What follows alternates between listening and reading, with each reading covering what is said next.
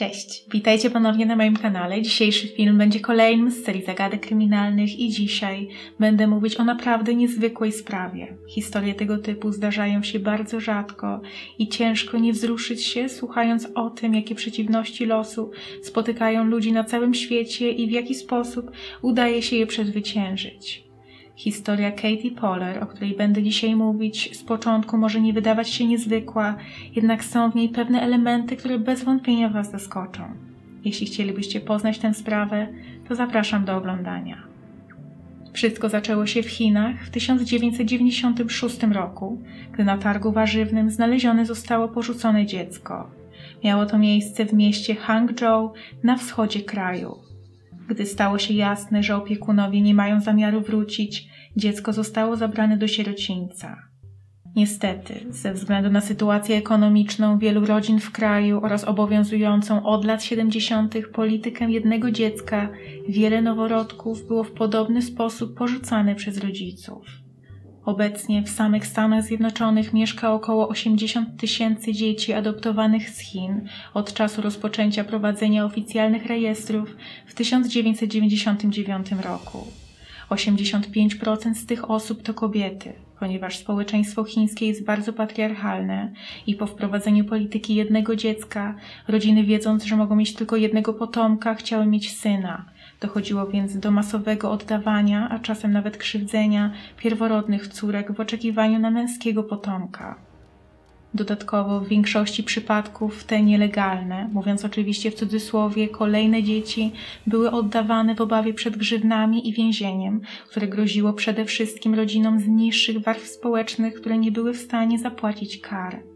Oficjalnie polityka jednego dziecka została zniesiona w 2015 roku, ale do tego czasu zdążyła wyrządzić mnóstwo krzywd milionom osób i połączenia takich rodzin są rzadkością. Zaledwie 40 do 50% Amerykanów pochodzenia chińskiego decyduje się w ogóle na rozpoczęcie procesu poszukiwania swoich biologicznych rodzin. Jest to bardzo trudne i kosztowne oraz nie ma gwarancji, że taki proces zakończy się sukcesem. Wszystko wskazywało na to, że rodzina dziewczynki znalezionej na targu znalazła się właśnie w takiej sytuacji bez wyjścia. Ostatecznie dziecko trafiło do sierocińca w mieście Zuchou, 120 km od miejsca, gdzie ją porzucono. Do 1992 roku Chiny zakazywały adopcji przez obywateli spoza kraju, ale zmiana tych przepisów pozwoliła na zwiększenie szans na lepsze życie tysiącom dzieci czekającym na nowy dom i latem 1996 roku amerykańskie małżeństwo Ken i Ruth Poller przyleciało do Chin z nadzieją na adopcję dziecka. Para miała już dwóch biologicznych synów. Pollerowie byli ewangelicznymi chrześcijanami i mieszkali w mieście Hudsonville w stanie Michigan w Stanach Zjednoczonych. Podczas pobytu w Azji odwiedzili m.in. sierociniec w Suzhou, gdy wśród dzieci zobaczyli małą dziewczynkę imieniem Chingzi, od pierwszej chwili wiedzieli, że przyjechali tam właśnie po nią. Imię, które nosiła, nie było przypadkowe czy nadane przez pracowników ośrodka. Biologiczni rodzice zostawili list dla osoby, która zaopiekuje się ich dzieckiem, zawierający między innymi właśnie informacje o imieniu, które jej nadali. Po powrocie do Stanów Zjednoczonych rodzina powoli zaczęła przyzwyczajać się do nowej codzienności. Państwo Poller postanowili zmienić imię córki. Nazwali ją Catherine Sue Poller. W późniejszym życiu dziewczynka chciała, żeby zwracano się do niej po prostu Katie. Swoje dzieciństwo wspomina bardzo dobrze. Było beztroskie i pełne zabaw z rówieśnikami i starszymi braćmi. Mimo, że nie wyglądało jak większość osób ze swojego otoczenia i dzieci w szkole, to nigdy nie czuła się inna. Nie zastanawiała się także nad swoim pochodzeniem. Wiedziała, że była adoptowana, ale to w żaden sposób nie wpływało na jej życie. Nie czuła także potrzeby odnowienia relacji ze swoją ojczyzną, chociaż nie wykluczała, że gdy dorośnie, to kiedyś odwiedzi Chiny. Kontynuowała rodzinną tradycję, zapisując się na religijny uniwersytet Calvin College w mieście Grand Rapids w stanie Michigan. Wcześniej studiował tam jej ojciec Ken i obaj starsi bracia. Była pilną uczennicą, czas dzieliła między naukę i wyjście ze znajomymi. Zawsze starała się znaleźć złoty środek między pracą a życiem towarzyskim. Przez 20 lat swojego życia Katie nie zdawała sobie sprawy, że jej adopcyjni rodzice ukrywają przed nią ogromny sekret. Wiedzieli, kim są i gdzie mieszkają jej biologiczni rodzice, ale nie mieli zamiaru jej o tym powiedzieć, dopóki sama nie zapyta. Państwo Poller argumentowali to tak, że nie chcieli zakłócać jej życia i niepotrzebnie go komplikować. W końcu jednak, mimo że zajęło to długo, nadszedł ten moment, gdy dziewczyna skończyła 21 lat, w końcu wyraziła chęć dowiedzenia się więcej na temat swojego pochodzenia i swojej tożsamości. To właśnie wtedy Ruth i Ken postanowili odkryć przed nią wszystkie karty. Powiedzieli o liście, który został przy niej zostawiony, gdy porzucono ją na targu, oraz o tym, że wcześniej już sami, za jej plecami, podejmowali próby nawiązania kontaktu z jej rodzicami w Chinach. Największym zaskoczeniem był jednak list. Dwudziestolatka zupełnie nie wiedziała o jego istnieniu. Sądziła, że tak po prostu została porzucona bez słowa. Wiedziała, że jej imię zostało zmienione, ale nie zdawała sobie sprawy, że to wcześniejsze zostało jej nadane przez prawdziwych rodziców. Notatka przy niej znaleziona została napisana tuszem oraz pędzlem i brzmiała Nasza córka Chingzi urodziła się o godzinie 10 24 dnia siódmego miesiąca kalendarza księżycowego 1995 roku. Zostaliśmy zmuszeni przez biedę i sytuację na świecie do porzucenia jej. O żal serc ojców i matek daleko i blisko. Dziękujemy za uratowanie naszej córeczki i za opiekowanie się nią. Jeśli niebiosa mają uczucia, jeśli będzie nam dane zostać połączonym przez los, spotkamy się ponownie na zepsutym moście w Hangzhou rano w dniu festiwalu Kixi za 10 lub 20 lat. Polerowie wiedzieli o liście, ale nie byli pewni, czy biologiczni rodzice wywiążą się ze swojej obietnicy i czy kiedykolwiek uda im się spotkać. W 2005 roku Katie miała 10 lat i wiedzieli, że nie chcą zabierać jej do Chin na spotkanie, ale postanowili sprawdzić, czy tamta para będzie na nią czekała. Poprosili więc swojego znajomego mieszkającego w Chinach, żeby poszedł w umówionym czasie na most i wypatrywał pary szukającej dziecka. Gdyby ich spotkał, miał powiedzieć, że ich córka jest cała i zdrowa i wychowuje się w Ameryce, ale uznali także, że nie będą podawać żadnych swoich danych kontaktowych, nie powiedzą nawet, jak się nazywają i pod jakim imieniem wychowuje się ich dziecko. Legenda zepsutego mostu i festiwalu Kixi głosi, że dwoje kochanków spotka się na moście siódmego dnia siódmego miesiąca księżycowego każdego roku. Święto to jest więc poświęcone spotkaniom i powrotom. Dlatego rodzice wybrali właśnie ten symboliczny dzień. Później okazało się, że co roku czekali na córkę na moście, mając nadzieję, że pewnego dnia wróci. Ostatecznie tego dnia nie doszło do spotkania, strony minęły się, ale historią zainteresowały się lokalne media i sprawa została przedstawiona w programie telewizyjnym.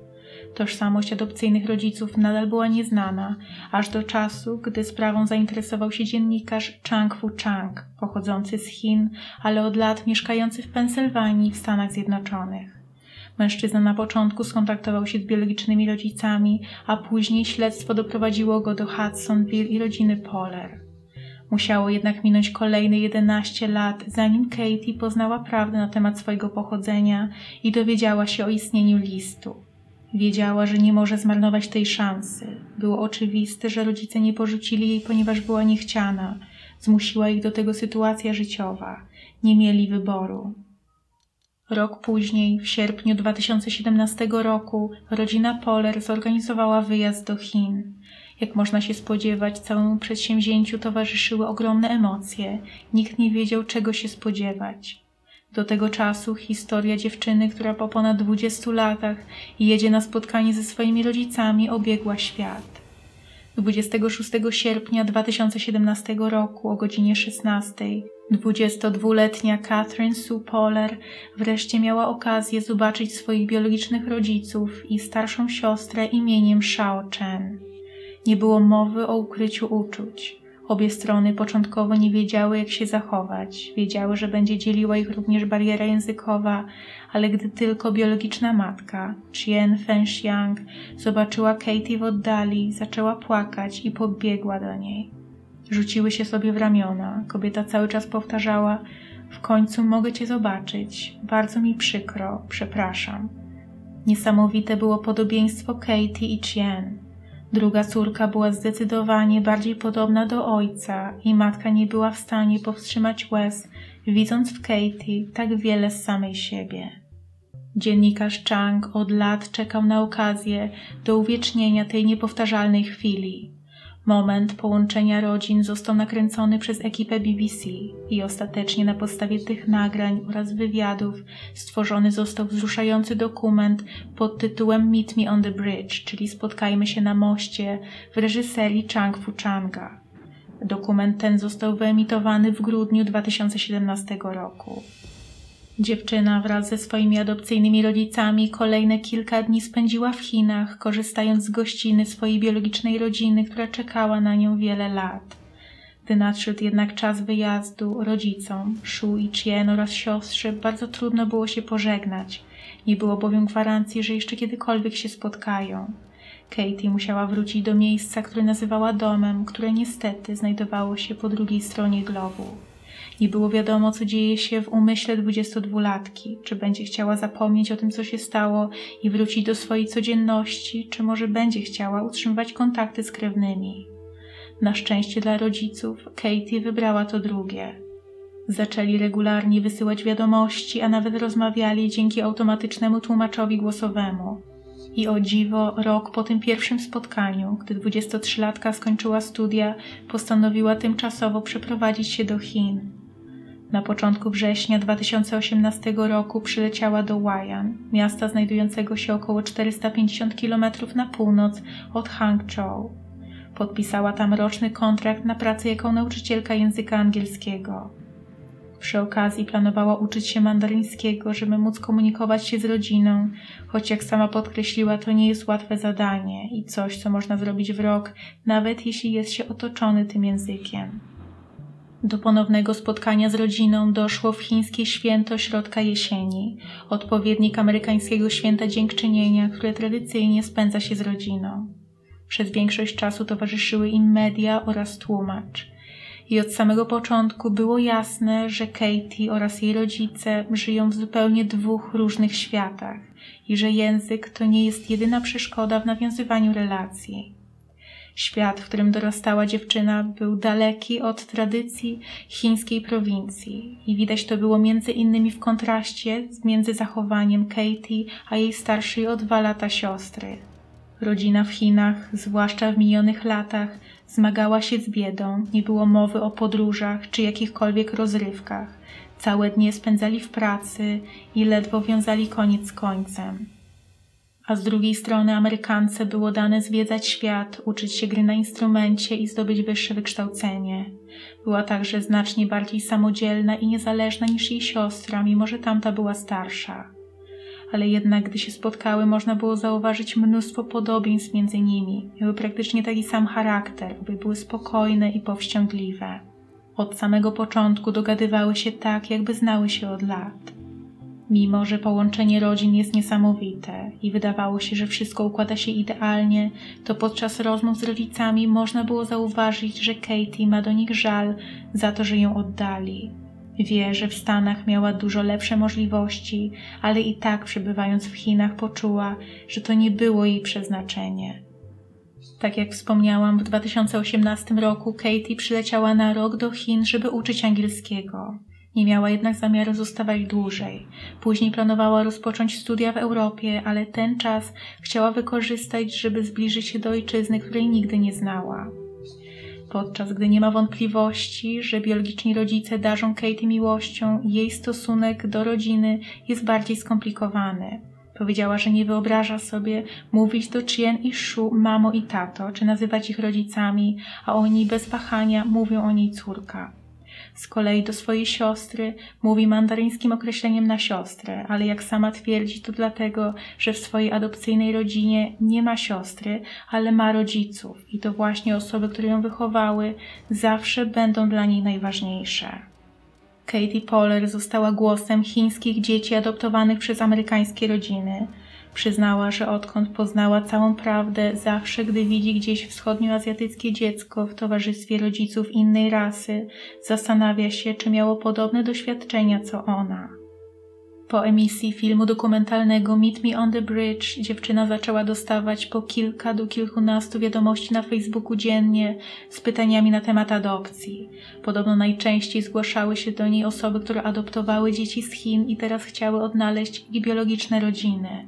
Dziewczyna jednak podkreślała, że niewiele może w takiej sytuacji zrobić, ponieważ ona nawet w swojej sprawie nie znalazła rodziców, tylko to oni zrobili wszystko, żeby nie stracić jej na zawsze. Katie Poller prowadzi też kanał na YouTubie i jeśli jesteście zainteresowani, to zachęcam Was do obejrzenia jej filmów.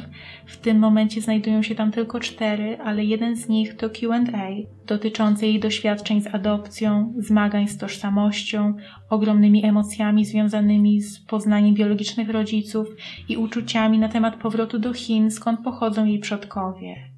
Po poznaniu jej historii z artykułów w internecie bardzo fascynujące było posłuchanie o sprawie bezpośrednio od Katie. Nazwa kanału to po prostu jej imię i nazwisko Katie Poller. I to jest już koniec dzisiejszego filmu. Mam nadzieję, że ta sprawa była dla Was równie interesująca jak dla mnie. Przyznam, że gdy pierwszy raz o niej czytałam, to robiłam to naprawdę z zapartym tchem. Wiem, że w maju tego roku, 2020, miało miejsce podobne połączenie rodzin, jednak w tamtym przypadku nie było to dziecko porzucone, a porwane. To sprawa młodego mężczyzny imieniem Mao In. Jednak jest ona tak świeża, że jeszcze w internecie nie ma wystarczająco informacji, żeby stworzyć taki pełny materiał, ale na pewno chciałabym zrobić to w przyszłości. Jeśli słyszeliście o podobnych historiach, to bardzo chętnie o nich przeczytam. Dajcie mi znać w komentarzach, jak również jeśli macie propozycje o jakichś innych sprawach, mogłabym powiedzieć w kolejnych odcinkach z tej serii. A teraz bardzo dziękuję Wam za oglądanie i do zobaczenia. Cześć!